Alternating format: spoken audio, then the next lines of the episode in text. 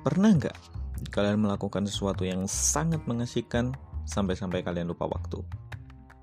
Dulu, saat saya masih berumur sekitar 14 tahun, adalah waktu di mana internet mulai menjamur di daerah saya, yang notabene merupakan daerah pedesaan. Berbagai taburan, meskipun dengan kecepatan yang setara dengan jaringan 8G. Tapi warnet-warnet itu sangat ramai dikunjungi oleh orang-orang. Saya ingat sekali bahwa hari itu adalah hari Minggu karena saya berangkat pagi-pagi sekali menuju warnet yang terdekat dari rumah saya dengan alasan belajar dan mengerjakan tugas. Meskipun dalam hati saya sebenarnya hanya ingin menulis blog waktu itu. Saya pun mencari konten yang bagus untuk blog saya dan menjadi sedikit tertarik dengan tampilan yang sungguh sangat elegan dari salah satu web yang menjadi inspirator konten saya. Dalam hati saya memiliki keinginan untuk bisa mendesain blog yang bagus sesuai dengan keinginan saya. Memang waktu itu saya masih menggunakan platform Blogger yang menggunakan sistem templating yang cukup rumit. Bahkan sampai sekarang saya belum paham dengan template dari Blogger. Sehingga saya merasa bahwa kreativitas desain saya benar-benar dibatasi oleh kemampuan saya.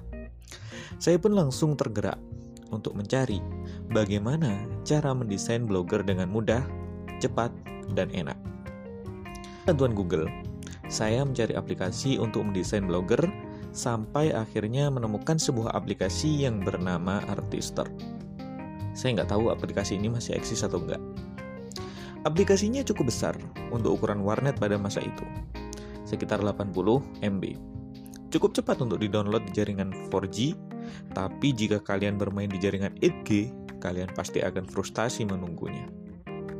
Namun tidak dengan diri saya waktu itu. Saya menunggunya dengan sabar, sampai sekitar satu jam sebelum aplikasi tersebut bisa didownload. Perasaan saya sungguh senang sekali saat melihat saya sudah bisa mendownload.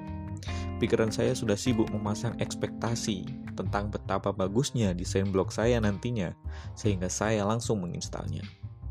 Dan ternyata komputernya masih butuh .NET Framework. Oke, saya memang harus install dulu .NET itu. Saya pun mendownload .NET sebesar 54 MB, yang juga saya tunggu selama 45 menit. Begitu download sudah selesai, saya pun langsung membuka aplikasi tersebut. Aplikasinya cukup keren untuk anak berusia 14 tahun di zaman itu dan cukup mudah untuk digunakan sehingga saya asyik sekali melakukan desain pada blog saya.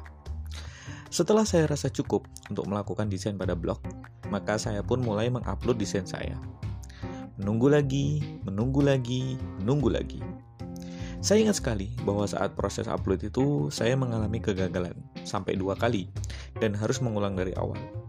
Tapi saya tidak putus asa dengan itu semua. Sampai akhirnya, oh jadi selama ini kamu di sini. Udah sholat asar belum?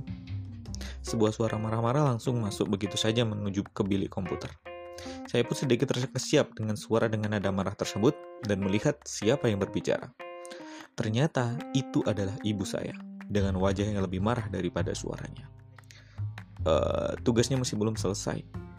Apanya yang masih belum selesai? Udah dari jam 9 sampai asar kamu di sini. Pulang.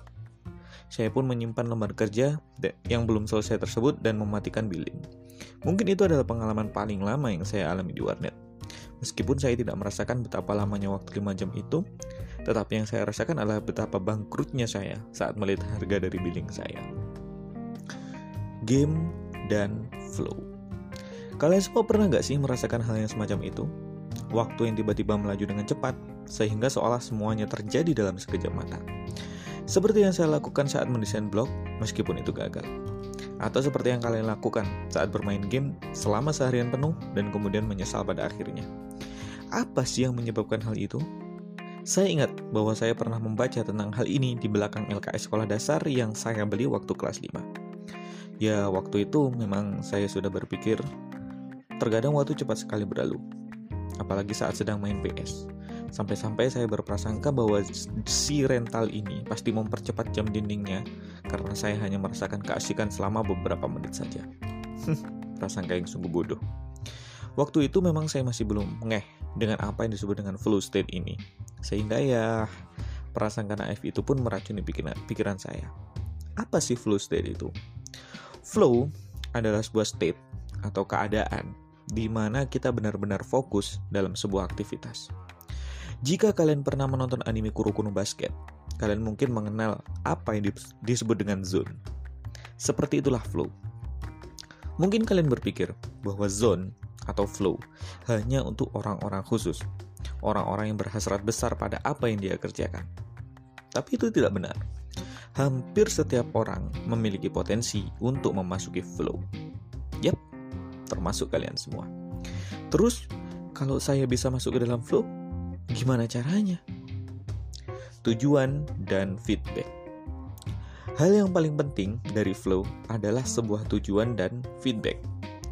Contoh yang paling sederhana dari sebuah tujuan dan feedback adalah saat kita bermain game. Kenapa sih kok seorang itu bisa asik bermain game sampai berjam-jam?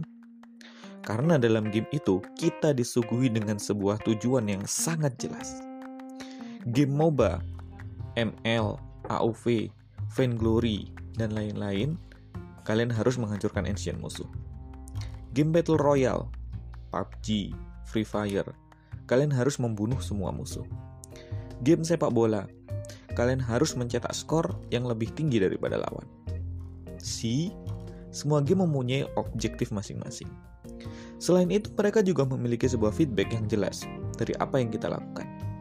Contohnya, dalam game Harvest Moon, semakin kita memberi bunga kepada istri, semakin banyak hati yang ada pada istri tersebut. Dalam game Battle Royale, semakin kita membunuh musuh yang ada, semakin kita dekat dengan tujuan kita. Game begitu mengasihkan karena kita disuguhi dengan hal-hal yang membuat diri kita tertarik kepadanya. Bandingkan dengan kegiatan belajar. Apa tujuan kalian belajar? Biar pintar. Oke, tujuan sudah ada. Tapi bagaimana dengan feedbacknya? Apakah dengan belajar sehari kalian langsung pintar? Belum tentu. Kalian perlu belajar yang lama sehingga bisa pintar. Dan tidak ada feedback itu membuat masuk ke dalam flow state saat belajar. Itu tidak mudah. Adalah sebuah kesulitan bagi kalian dan juga saya sendiri untuk masuk ke dalam flow state saat belajar.